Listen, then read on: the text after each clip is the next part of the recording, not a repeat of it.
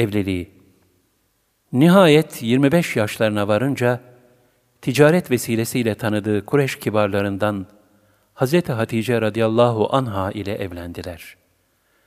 Asil hanım Hz. Hatice, malı ve canı ile ona yeni bir güç kaynağı oldu.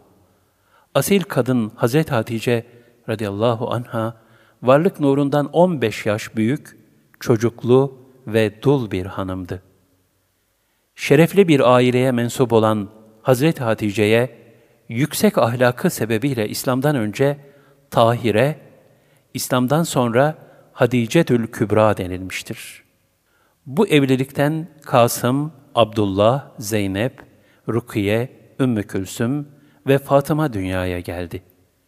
İlk oğlunun ismi Kasım olduğu için Hz. Peygamber sallallahu aleyhi ve sellem Efendimiz'e Ebul Kasım da denilmiştir.